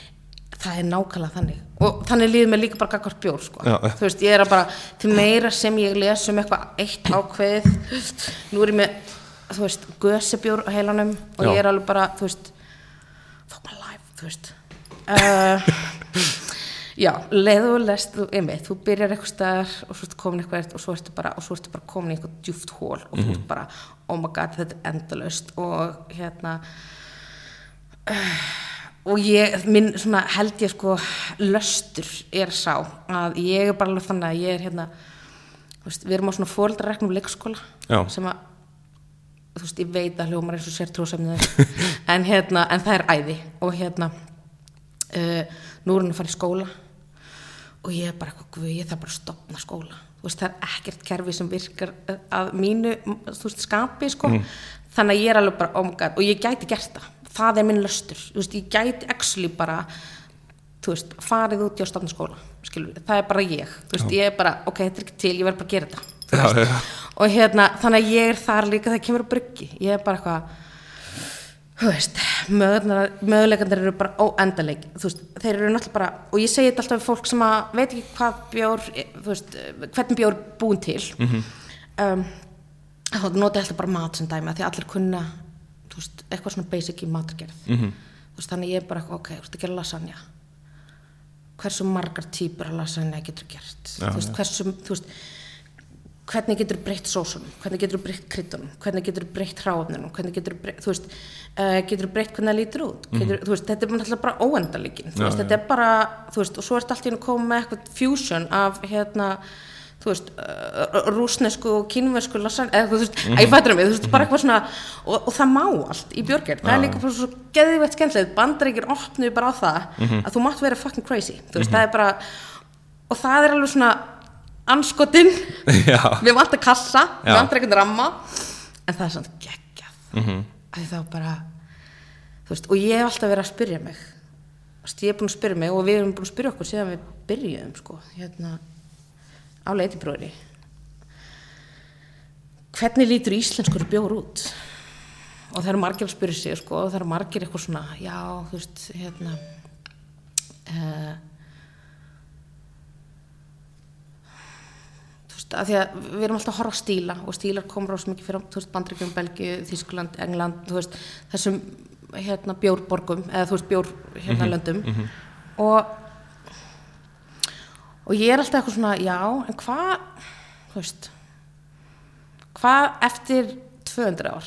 Hvað verður í íslenskur stíl Já, já. eða eitthvað. Mm að því við erum bara svo, þú veist, við erum bara þú veist, við erum náttúrulega bara ungi í þessum málum, þannig sko, með við veröldina, Já, ég. Uh, við erum samt drullu góð sko, að því við erum náttúrulega alltaf New York þó við séum Reykjavík sko, Já, já. eða þú veist. Um, en þá hef, já, ég er svona og þú veist mm, það verður áhört að sjá hvort það kom eitthvað svona hvort ég finni eitthvað svona íslenskan grundvell í þessari íslensku náttúru í björgerð, Mhm. þú veist mér þætti gaman að sjá, þú veist, þetta er náttúrulega bara eitthvað svona spurning ég er ekki að, Já, ég finnst þú allavega að vera á réttri leið sko, með að taka þann með að fara þann, þann veg sko. að því að sko ég, mér finnst alltaf uh, staðbundir háfni Mhm. áhugaverðast og það er minn stíl í koktelagerð er að, og það er það sem að hefur kannski svona verið það sem að svona þeir sem þekkja mig vita að ég er einhvern veginn þannig. Ég þú veist, Andrei gæðin sem að spári júrstir og, ég veit, já, og ég, sko. þú náttúrulega sendið mér hérna ráefnis hérna. Já, já, og ég er bara búin að vera með það á heilanum Já, sko. já. Uh, já, einmitt. Það er náttúrulega styrlun sko. Þetta er óslega skemmtilegt og það er líka bara, það er fárlega skemmtilegt hvað við erum að uppgöta og það kemur líka bara pínu með hérna þessu New Nordic food, hérna, sem sagt, René, þú veist, hérna. Já. Móma og, þú veist, oh, sem ég var eitthvað að horfa á, það var eitthvað svona barbecue þáttur, svona amerísku barbecue þáttur og það var René þar Já. og hann var eitthvað, yes, this is, uh, this is uh, how I barbecue og þá var með svona, svona, svona prjóna að hérna, og, og svona laufblöð, þú veist, eitthvað svona, eitthvað svona, eitthvað svona grænt á grillunu Já. og það var barbecue það, sko, og mér var bara djöfisur snilli, skilur þú veist, bara, ok, já, þetta er barbecue, á meðan allir voru að taka eitthvað svona heavy, heavy steikur, hérna, Já, þú veist, já. eitthvað svona rif, eitthvað svona alveg ógeðslega þungt og eitthvað svona, þú veist, margarda prósess á eitthvað svona, hérna, þú veist, infjúsið með svona við og hins einn og eitthvað, þú veist, og hann eitthvað svona, dú, dú, dú, þú veist, eitthvað svona að dúla sér með eitthvað svona Já, löfblað, já. sko, og ég var bara, ó, þetta geggjað. En þú veist, þetta, norð, þú veist, þetta hangi saman þetta sko. hangið saman og kokkar hérna heima, við unnum mikið með kokkum Mhm. og hérna, og þeir eru bara að gera, þú veist, bara worldly, þeir eru bara að gera geggjaða hluti, sko, Mhm. þú veist, og og fyrir að uppgöta ráöfnið okkar, nærum hverju okkar, bara Mhm. í fyrst skipti, þú veist, þetta er bara svo spennandi tímar, sko. algjörlega sko Þetta er bara, já, mér finnst bara geggjað, sko. Ég, Mhm. hérna, mér finnst eiginlega ekkert betra heldur en bara, veist, ég fór alltaf út í fjöru og týndi krekling þegar ég var lítil með mömmu og eitthvað, hún var grænið semta og þú veist, það var einmitt, ég þurfti alltaf að smakka allt og hérna, já. þetta, þú veist, sem ég er að reyna að implementa áfram. Um, og það er einhvern veginn bara, það er eitthvað, við líka bara, ég veit ekki, þú veist, og COVID-ið þegar maður er innlokaður þá er maður bara, veist, ég svona bara, er að sjá rosa mikið hvað við getum verið sjálf, þú veist, miklu meira sjálfbær. Það er líka algjörlega, ég er svo Já. og þú veist, ef, ég held að þetta sé líka svolítið bara hvernig þú kýst að líta á náttúrun okkar veist, eins og ég líta á hana að það er bara fullt að gersum út um allt Já, sem að eh, vakna á sumrin og Já. deyja á Já. haustinu sko. eða fara í dvala á einmitt. og, og bara Já. og ónýtt sko. Já. Þú veist, og þetta er bara ekki gefið þetta er bara, þú Já, veist, já. og berun okkar og eitthvað allskins, ég meina þetta er bara þetta er geggjað sko. Mm, og mér finnst mjög áhugavert að setja þetta í bjórsammingi af því að þess ekki um, þetta er svona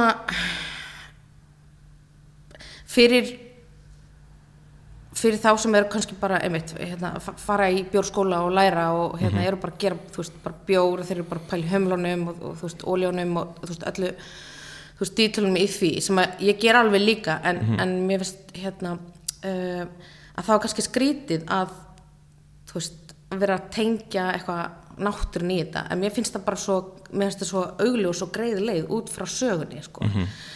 að því að hömlar eru hérna eða þú veist, þetta eru bara hráöfni sem hafa þú veist, humlar, jú, þeir eru náttúrulega bara pínu vætal, þú veist uh, og þeir gera veist, klikka hluti, en hérna en það er hægt að gera svo miklu meira þú veist, Já. með bara allskins uh, ég veit ekki, já, ég fæ alveg svona ég, náttúrulega, en eins og ég segi, nú er ég með þetta heilanum, þú veist, hérna En ég, svona fyrir þér þá, þá er sko bjórgerðin per se mm.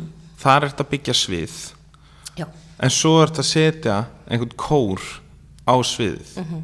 er það ekki svolítið þannig? eða? Jú, ég er alltaf, þú veist, ég er náttúrulega bara, ég gerði búninga og leikmynd í leikhúsi áður ég byrjaði í listaháskólinu, þú veist, þegar ég var 17 ára eða eitthvað, mm -hmm. ung og hérna, um, þar er mikið drukki bjór. Já, ég trúi því og þú veist, það er þetta, þú veist, all, þú veist, já, ég er alltaf að búa til eitthvað heilt, þú veist, ég hef bara, þú veist, og ég held ég hafi líka bara uppgötað þetta aldrei núna á COVID-árunni, þú veist, hvar ég er, þú veist, uh, eða hvað ég geri mm -hmm. ég geri upplifanir.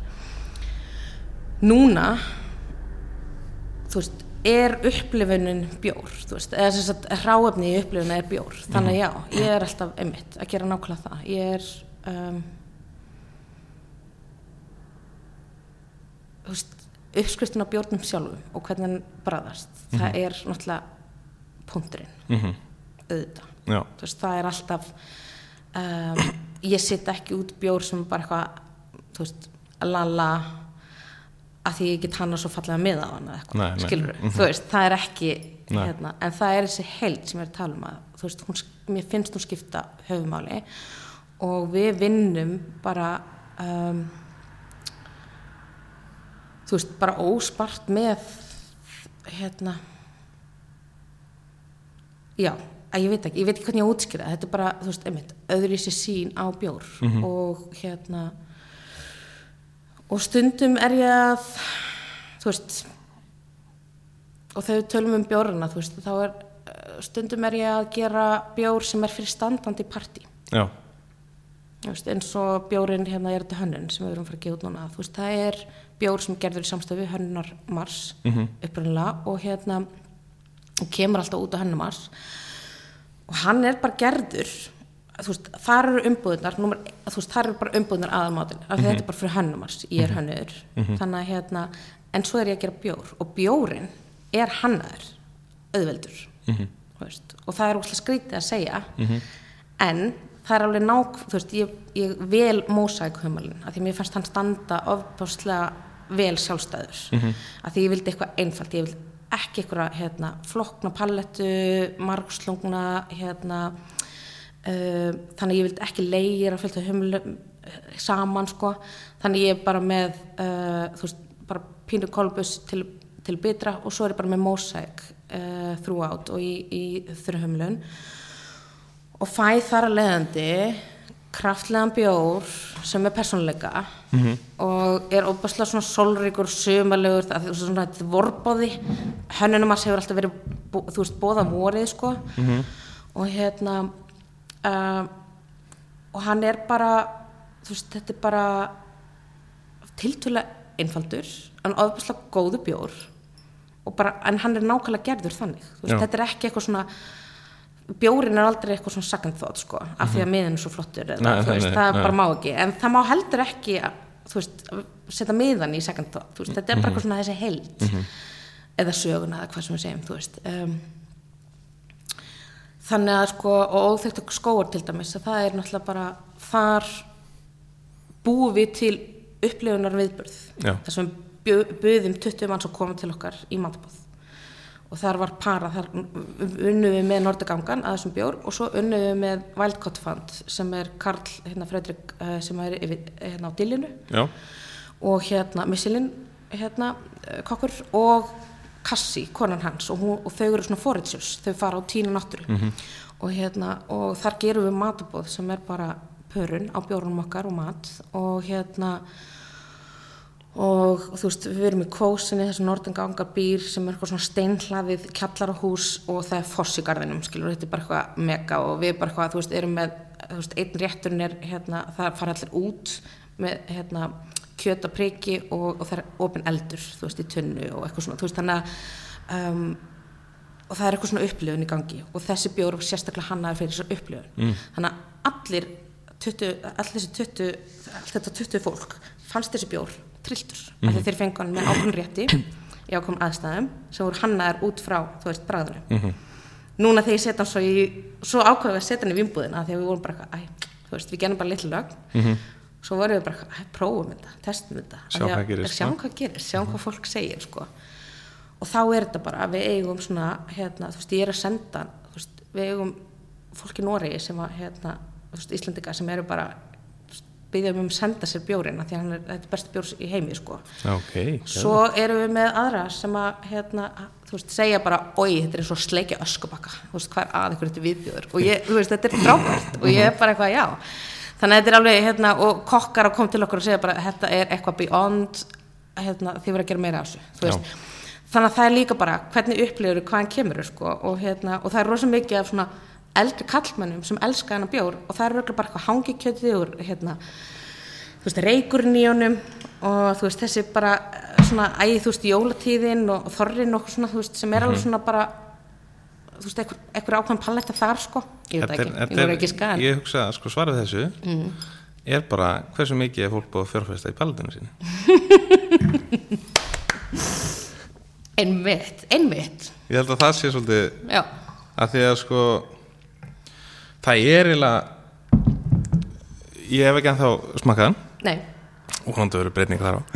En hérna þú veist, palentin okkar er náttúrulega ekkert annað en bara risa memory card sko. Já, og þú veist, einhver sem er alveg upp á á hérna þú veist, einhverjum gulum sítrus orkudrykk og, og borða bara pitsu hann er ekki búin að fjárfæsta mikið í palletinu nei, sko. einmitt. Hún var líklega ekki eftir að finnast þessi björgúður einmitt, einmitt.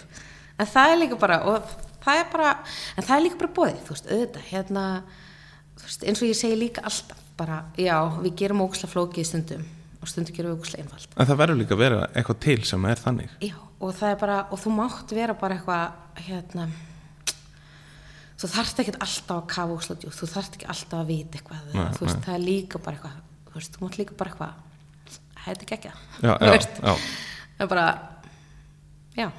Það er nefnilega það sem og þetta er svo góð pæling líka.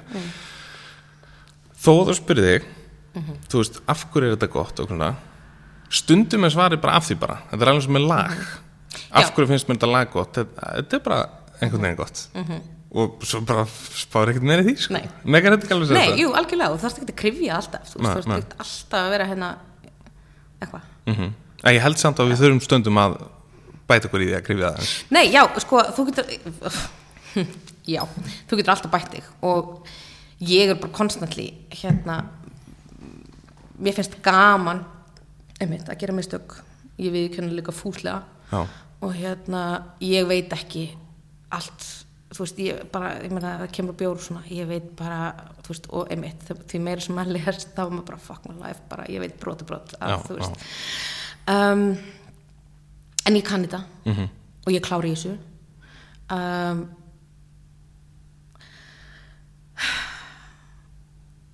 ég, ég veit ekki, þetta er bara geggja gaman. En þú veist, en þú þarft ekki, já. Það má vera stupid en þú ert alltaf að smakka skilur Mhm. Þú veist, þú ert alltaf að smakka. Það er náttúrulega bara, einmitt. Ég sammála því. Já, sko, uh, kannski koma aðeins inn á það varandi miðan á er þetta hönnun? Uh, fyrir þá sem ekki hafa séð það. Nei, hann er sko komið núna í páskatímbilið, hann kemur alltaf í páskatímbilið hjá okkur af því að hönnumars er mars, Mhm. en í ár er hönnumars í mæ já, og það er brútið COVID. Um, og við eitthvað bara nei, við ætlum bara að gera happy hour hönnunumars í mars þú veist, að halda hérna í það því að pínu eitthvað fallet við það. Og hérna uh, svo fáum við líka svo margar búðir í vimbúðinni, þú veist, þetta er alltaf spurningu þar Já, hver já, spotti já, þetta er, já, sko. já. og hérna, um, já, fyrir sagt, bjórin heitir Er þetta hönnun? spurningmerki að þetta er spurning. Og hérna, og meira kannski ég leita svarin, eða þú veist, meira ég leita spurningun heldur en svarinu, sko. Þá vörpuðu þessu út, sko. Hérna uh, þú veist að því að hönnunar mars um, ég hef unnið mikið með þeim bara í allskins öðrum verkefnum. Og þetta er opið og skemmtilegt fólk. Og hérna, þannig að við hefum algjörlega frjálsar hendur sem er frábært. Já. og hérna um, og, og traust og við bara fengum einhvern veginn að taka þetta daldið og, og hérna en þeirra, þau voru með svona slókan og það var, er þetta hönnun og spurningmarki og svo voru svona allskins myndefni af allskins hlutum og þetta er svona eitthvað svona sem að hönnur berjast aldrei við, hérna, þú veist, það er náttúrulega allt hannað. Mhm.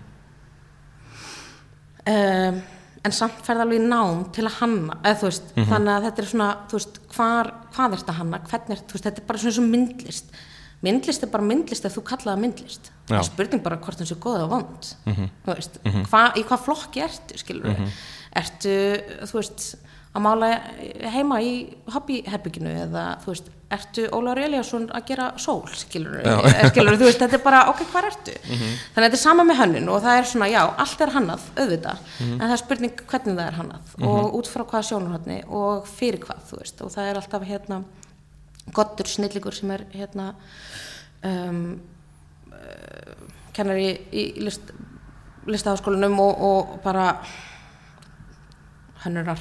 já. þú veist hann hérna kendi mér að þú veist uh, munurinn á hönnun og myndlist og hérna og hann var bara já, það fylgir einhver funksjón hann mm. en það fylgir ekkert endilega funksjón við myndlist sko og svo fór hún út í allskyns annað. En hérna og það svona daldi svona hérna svona stakk mig sko. Þannig að mér langaði að gera miða Mm. sem hafði eitthvað funksjón, þú veist, sem hafði eitthvað svona eitthvað hlutverk. Uh, mér langaði að búið til eitthvað koncept sem væri aðeins heilara helstæðara heldur en, heldur en bara eitthvað cool looking, skilur við Mhm.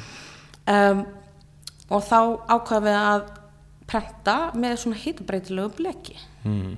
þannig að hann er í ár, er hann blár í fyrra var hann svartur og hann er, að það bregst við hitt og kulda þannig að þú kaupir uh, bjórin, er hann svona ljósblár og svo setur hann í skáp og þegar hann er nóg kaldur 15 gráður eða minna að þá hérna verður hann dökkblár hann svo breytist um lit Já. og svo getur hann nota líkams hitaðinn til að búa til að skis munstur á hann Mm. Þannig að þú getur verið að, þú veist, þetta er rosa svona góða dundursbjór, Mhm, þú veist, og frábær í standandi partí. Þetta er svona standandi bjór þú veist, það sem getur verið eitthvað svona daldið að, að hérna þú veist, já, og í eitthvað svona og fykta, verið að fykta verið að fykta á meðan það er verið að halda eitthvað að ræðu Já, eitthvað sem já. enginn er að hlusta skilur þú veist, þannig að þetta er eitthvað svona þetta er daldið þar. Og hérna og þetta er alveg miði sem að þú veist, þú veist við prentum ekki prentarunum við silki prentum, handprentum ofan á hann. Mm -hmm. veist, við gerum fjögur þúsund eintök. Já, uh, maður er pínu búin á því eftir það sko. Já, það. Og hérna og það er bara allskins þú veist það er rosa margir sem að þú veist mörg fingrafæri sem koma að þessu miða. Og hérna og svo þú veist töppi við sko bjórnum á flöskunar -hmm. og svo tökum við flöskunar veist þannig að við pökkum töppum öllu pökkum við í kassa á þess að líma það svo tökum við það úr kassanum og hérna setjum í gegnum miða vélina af því að við viljum ekki að komi vatn á þá. Já, já, um, af því það bara byrjar að leka og verða, þú veist, allt í lægi en það hefur verið bara ljótir. Þannig að hérna þannig að þetta er sko fjórfæld, þú veist það, það, er allt tvöfæld og tvöfæld náttúrulega í kostnæði mm og þá vildum við og þú veist, og það er líka annað sem að burgar þurfa að hugsa um er hérna kostnæður vara já, já, já. sérstaklega ef maður er svona multimannskja í fyrirtæki og það að setjast í allar stöður. En bruggarar, þeir þurfa að hugsa eins út í þetta hérna um, ef þú ert að vinna í einhver ramma eins og þessi bjór, þarna erum við að vinna í einhver ramma og rammin er, þú veist, ákveðin upphæð veist, uh, þar sem við erum í samstarfi hennumarsin þá ákvað þeir að kaupa ákveðin magn og við sælum svo játja verður lalala um, og við viljum líka bara ekki að hann sé óaðgengilegur þó að hann sé, þú veist, eitthvað fansmanns, skilur Mhm, þannig að hérna uh, og, og þar er leiðandi líka eitthvað svona, já ok, hérna þú veist, kornið og þetta og dú, dú, dú, og þú veist, ok, ég kannski sleppi þá hérna að nota asetmalt Mhm. af því það kostar 223 ár á líturinn heldur en þú veist, stað fyrir 130 Já, já, eða þú veist, að ég bara eitthvað svona dítilar sem að það er svona aðeins að pæla þegar maður býr til uppskriftir og svo, fyr, og, og svo ger ég náttúrulega alltaf hérna, alltaf einu sinni en uh, alltaf ger ég pröfu uppskriftir Já. náttúrulega áður sko og splitta þeim alltaf í þrennt og nota mismundi gyr og mismundi þurrhumrun og, og lalala um, en einu sinni hef ég sett bara beint í tank 2000 lítra en ég var alveg hérna uh, ég geði smakk heim og svo hérna skilbúð hva, hva, hver af þeim Já. var sábjór. En hérna, nei, þannig að já, þetta er svona, þetta er uh, þetta er skemmtileg bjór, sko. Já. mér finnst alltaf gaman að gera hann, sko, þetta er brilu, bilu, bilu vinna í tvær vökur, þrjár vökur Mhm. en bara geggja vörðið, sko. Nú er bara, nú er hann komin í hillunar ég er bara yes. Uh, og komin á Bjórland. Já, og hérna er já, þannig að sko talandi um að setja bjóri í annað samengi sko. en, svo er nú annað sem er svona svolítið þannig og það er hérna frábært tækifæri. Já. við erum ekki búin að ræða hann. Frábært tækifæri er annað svona samstarf við hátíð, það er hérna myndlistar sko, uh, listaðarnirinn í Reykjavík. Þeir áttu 50 ára afmæli og þeim langaði og þetta fyndi það þegar ég, þú veist, ég byrja uh, Hönnumars kemur fyrst til mín, Sara á Hönnumars uh, sem var yfir Hönnumars þá kemur til mín og vill vinna og það gekkja og ég var bara vá. Og hérna og svo var ég að opna svona skjala þegar við svona reglulega spyrjum okkur svona spurninga og, og skrifum niður. Þannig að 2017 voru spurningarnar frá Raxel og voru við að svona skiptast spurningum. Og hennar spurning til mín var hérna, hver eru svona uh, svona fallegu, flottustu verkefni sem þið langar í Mhm. og það var eitt að því að gera bjór fyrir hönnumars Já, og ég bara, ég var búin að glemja þessu sko Já, þannig að, ok. og svo kom hönnumars til mín og ég Já. bara, oh, geggja það er svona, þegar maður setur svona út sko Mhm.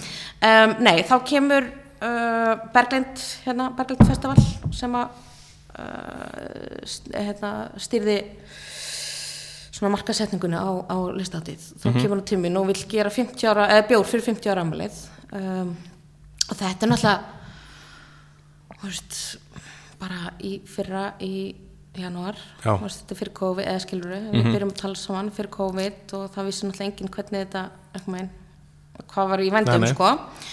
Og hérna en þá eitthvað, skelltum við okkur í þetta. Frábæra samstarf en, en hérna og hún er nú fyndin típa og skemmtileg. Og hérna og við hérna, komum upp með þetta að ég kom með eitthvað svona hugmynd um sko, að því að það er þú veist að gera kannski svona inside joke að því að það er aldrei skemmtilega svona listamanna inside joke. Um, þegar þú ert myndlistamæður þá er ofbærslega oft komið til þín og það er hérna, herði ég með þetta veist, þetta geggja verkefni. Það er bara, þú veist, ok, svona er að gera og þú veist, þetta er bara allt tjúla og það er bara að se- selja þér hugmyndina, sko. Já. svo hérna, og svo er eitthvað, herði, en þú veist það er engin peningur. Þetta er bara frábært tækfæri fyrir þig. Þú veist, þetta er geðið gott að sé við og hérna, þú veist, bara félagsgráðan bara pumpið upp og eitthvað. Frábært tækfæri, bara frábært tækfæri fyrir þig. Þannig að, og maður er eitthvað svona, já og hvað fara ljósumæðurinn, þú veist. Já, hann er náttúrulega bara launum. Eða skilur við, þannig að þetta er alltaf eitthvað svona hérna, myndlistamæðurinn fær alltaf minnst, Minnst, sko, já, já. um, eða listamæðurinn þannig að við eitthvað svona, já, þetta er þetta er náttúrulega geðveikt frábært tækifæri. Munurinn þarna er að við fengum borgað fyrir þetta já. frábæra tækifæri. En hérna, það var líka skemmtilegt að dagur var hérna að opna þessa hátíð og hann var eitthvað og hann alltaf veit ekki inside jokeið sko. Veist að því við vorum ekkert búin að tala um neitt eða setja hann út eða neitt sko. Þetta er bara opnun á hátíðinni og hérna hún henni Iðnó um, í júni og þú veist, einmitt eftir bylgu eitt þarna á COVID-inu. Og hérna, og hann er bara já og, og svo er þetta bara svo frábært tækifæri þú veist, og hann er að tala um þetta eins og að því, að, þetta frábært tækifæri, þú veist, þetta er bara eitthvað frábært tækifæri til að drekka bjór og, eitthvað, og hann var alveg grimt að nota þetta sko, og mér finnst það geð skemmtilegt en svo er svona, hérna, connect the dots á þessu líka, þú veist, það sem hún getur svona teikna mynd. Uh -huh. og þetta fyrir ógisli töðan á fólki. Það er engin mynd og það er vísvitandi við að djóka. Já. við með okkar inside humor sem við eigum mikið til að gera og, hérna, og erum oft með eitthvað svona leint skilumboð í, í hérna, grafíkinu okkar. Uh, við erum með pínu svartan humor í gangi. Um, þannig að sko þú getur konnektað eitthvað sem stendur ekki aflýst Uh sem voru svo sagt svona einhvern orð eftir að COVID kom að þá hérna, vildu að þau skilubóð kæmi á flöskuna og ég var eitthvað, ok, þetta, gerum þetta svona þá, þú veist. Og hérna, og svo er eitthvað svona 1, 2, 3 upp í 10 og það er bara ekki neitt. Og bara fólk á andhat var að verða geðveikt, bara hvað er af þeim? Þetta er ekki neitt, þú veist, mér finnst þetta bara svindl. Ég bara, þú veist, og þá bara fólk heilu kvöldstundunar, geðveikt mikið að pæla í þessu hvort það hefur verið gerð ránt eða, þú veist, og þetta er náttúrulega bara það sem okkur fannst pínu fyndið og skemmtilegt, þú veist, bara já, ok, aftur erum við að gera eitthvað svona pínu dúll Já, eitthvað yfir ræðuri Uh -huh. kann dagi, degi, skilur Já, eitthvað já, já. og hérna, en það er ekki neitt og þú ert bara eitthvað fastur í eitthvað svona lúpu, þú veist, hvað er þetta? þetta er svo mikið snið að því fólk, það sem þú ert búin að gera þú er bara búin að spila hann á forvitna hjá fólki Mhm. fólk er forvitna þannig að þú margir eru reyðir sko reyðir bara. Já, það er bara hérna- þeirra ákvörðun, já, já, ég bara, ég tek aldrei tilfengar fólks inn á mig sko. Nei, hérna, þetta er alveg briljant Já. að því hver segir, það stendur hvergi að þú eigir að gera, gera þetta. Nei, þetta er bara eitthvað svona er, ef fyrir, þú ert með fyrirfram ákveðinu hugmynd um að koma eitthvað út úr þessu. Mm. svo kemur ekkert út úr þessu, þú ert bara eitthvað fuck! Þannig að hérna, já um, þetta er algjör snilst en svo ákveðum við að því að hátíðin er sem sagt var fær, eða þau breyttu því að því að út af COVID kom að þá var ekki hægt að gera allskyns sýningar og allskyns sem þau hefur lofað og þau hefur gert samninga á fullta listamönnum sem þau vildu efna eða sem sagt. Þannig að þau ákveða að hafa þetta í 50 vikur.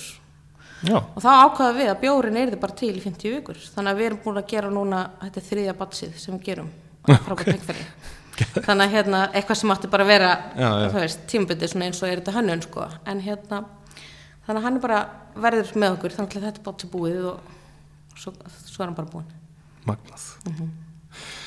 Ok, geggjað. Sko, við hérna ætlum að fara svona fljótlega að segja svo lokið en uh, kannski aftur af Lady Brewery og það sem, sem kannski svona er grunnurinn og það er bjóðun sem við eftir að tala, það er First Lady. Já, aðalstelpan Já. Partistelpan, sko, já, fyrstleiti er fyrsti bjórn sem við bruggum, eða sem ég brugga bara. Hérna uh, við sem sagt, einmitt uh, hérna, erum búin að kaupa okkur hérna, bruggræður og, og hérna og keiftum einhverju uppskrift frá hún og kila sem var eitthvað svona, sem var nú ekki IPA uppskrift, heldur bara eitthvað svona ale, eitthvað hérna og uh, og við eitthvað svona já og það, og það var búið að segja við okkur bara, já stelpur, þú veist, hann verður bara grænn eða eitthvað, eða skilur þú veist, þetta verður ekki góð bjór, fyrsti bjór er aldrei góð bjór og eitthvað, og við eitthvað bara ok, bullshit en allavega, hérna og um, svo bryggum við hennar bjór og þú veist, að meðan við erum að bruggan þá erum við náttúrulega bara, þú veist, við heitum strax Lady Brewery, mm það bara kemur á fyrsta fundi, sko, áður en við kemum græðnar og hérna, og svo bryggum við hennar bjór og hérna og þetta er bara first lady. Og við fyrir bara, þú veist, við erum bara hlæja og hafa gaman. Og þetta er bara, já, þetta er þetta fyrsta frúin eða skilur, þetta er bara fyrst bjórun eitthvað við erum lady brúri og þetta þarf að vera first lady og eitthvað svona. Og hún er alltaf í, hérna já, þú veist, já, þannig að við bruggum hennar bjór og, og hérna Uh, síðan þá er hann alltaf að breytast og frá því að vera ale yfir í IPA og humlarnir samsendingin allt öðru sig og þú veist, alltaf allt búið að breytast. En þetta var frábær bjór. Og þú veist, og hérna og svo tók okkur svona um, simáni að taka þá uppskrift og bara breyta í eins og hún lítur út í dag. Þú veist, svo, já, það voru svona tæni breytingar hann alveg fyrst í stóru græðinum sko, en, en svo hann er bara staðið sko. um, en svo annar bjórun sem við bryggum var um, blond bjór og það var The Other Woman. Mm. og hún er næst sko í kjarnana. Því að First Lady er kjarnabjór og hérna og The Other Woman verður kjarnabjór. Og svo erum við með Double Trouble sem kemur líka út á þessu ári. Ok, geggjað. Og hérna og verður Double. Mm um, Double IPA og The Other Woman er þú veist, er búin að vera til frá upphafi en ég er alltaf að tvíka uppskritina þannig að ég vil ekki setja marka fyrir ég komi með hana sko. Já. en hún er blond og hún er náttúrulega hinn konan þær eru ekki vingunir, það er alveg tölið sko. og það er bara, ok, verður þið fyrst leiti eða verður þið það vofum, skilur við um, hann er já, fyrst leiti er svona hún er sítrusið, hún er fersk hún er hömluð með mosaik, sítra, cascade og um,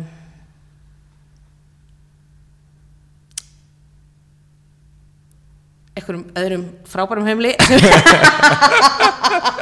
og það er líka bara þegar maður er að gera, nú er ég að gera uppskutir sko. Já, já.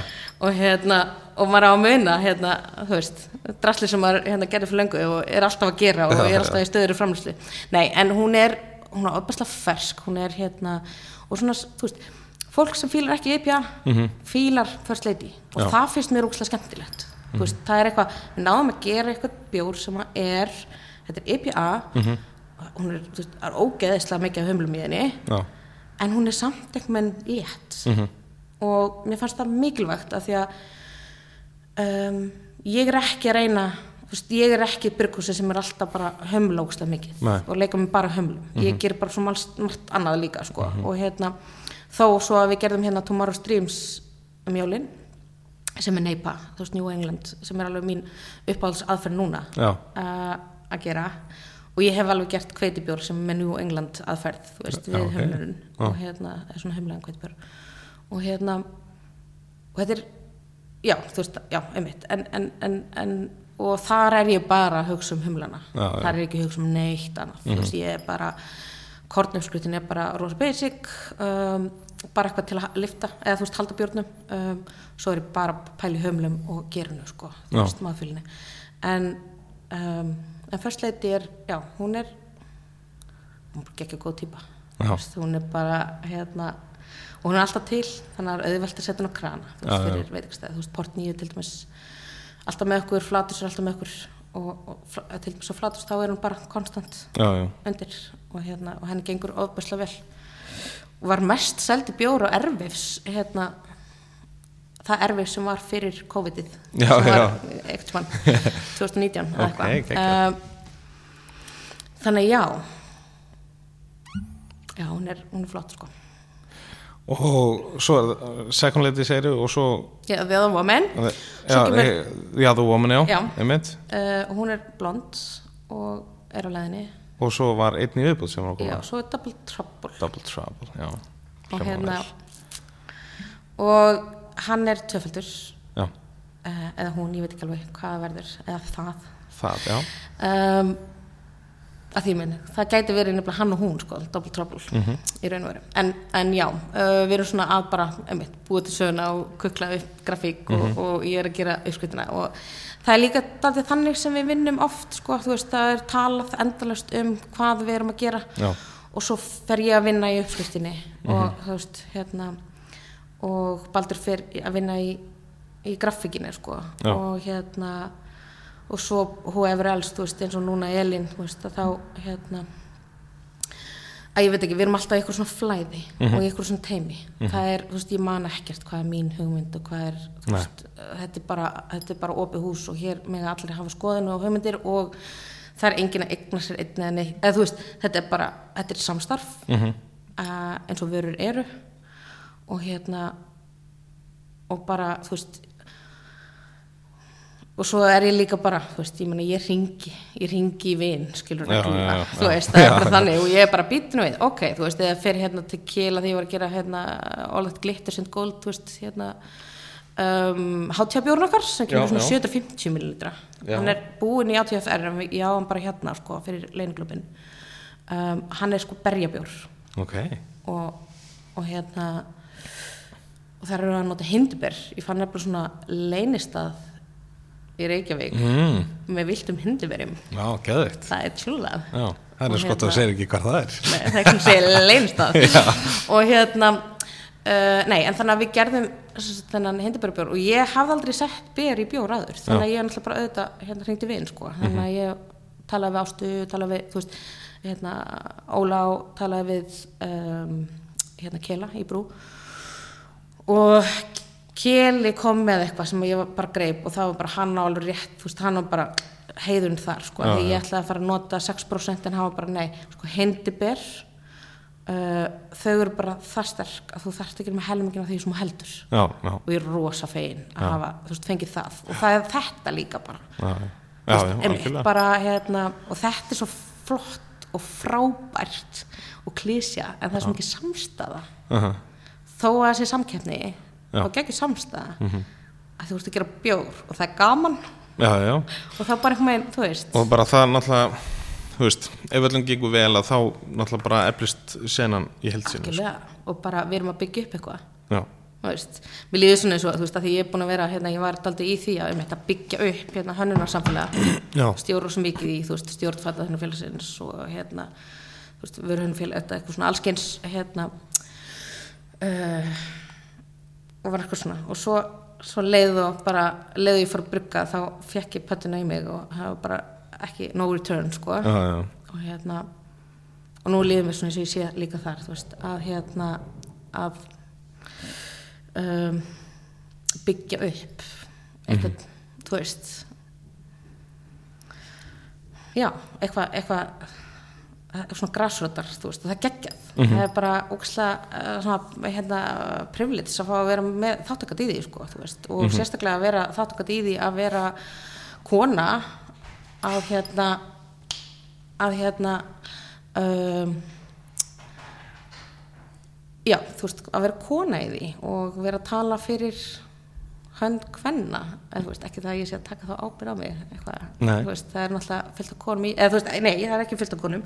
Það eru konur bara svona ástallmis mm þú tekir náttúrulega Já, vel, já, já, veist, hún er náttúrulega bara mega frumkvöðl þarna og hérna og bara meistari. Mhm. hún er meistari, hún er ábærslega klár og hérna, og rosa gaman að vinna með henni. Hún er náttúrulega í Ölfusvalti, þannig að við framleiðum þar uh, erum í stöðu samtali og hérna og samkökli og hérna veist vinnum saman í raun og veru. Já. hérna uh, að því að við erum svona farans að þá veist, það er ekki beint eitthvað svona einn að vinna fyrir annan eða eitthvað svoleiðis, þetta er bara samstarf já, já, um, og hérna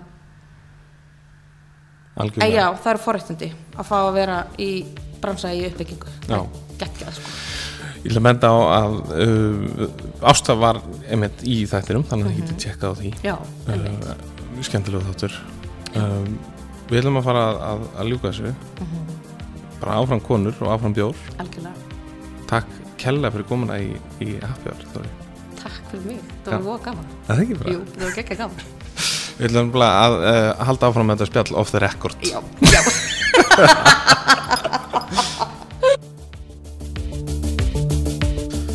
Þar að við það, kæru hlustendur, nú um, ef þú hefur ekki smakka bjórana frá Leitibrúri þá mæl ég klálega með því að uh, þú gerir það næst þegar þú sækir þér uh, öl. Þóri er algjör snillingur og hafði ég mjög gaman að því að spjalla við hana og hveti ykkur til að kynna ykkur Leiti Brúrin á uh, Facebook og Instagram. Ef þið fannst þessi þáttur skemmtilegur þá ekki hika við að smetla á subscribe takkan á podcast veitunniðinni til að fá tilkynningu næst þegar nýr þáttur af Happy Hour fer í loftið og endilega bentu vinum og vandamönnum sem kunnu að hafa áhuga á þáttin. Eh, ef þú hefur áhuga að fræðast meira um vegar í fljótundu formi, mæli með þú kíkir inn á heimasíðina væsmenn.is. Það er að finna ítalega greinum um þennan þátt á samt öðrum skemmtilegum fróðleik og uppskriftum af koktelum sem þú getur deilt með vinum þínum.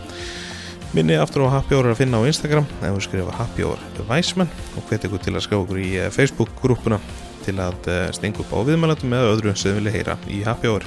Væsmann sjálfur auðvitað á bæði Instagram og Facebook eða viljið fylgja mér persónulega þar. Svo hveti ykkur til að hlusta á hina þættina í Happy Hour ef þið eru ekki nú þegar búin að því.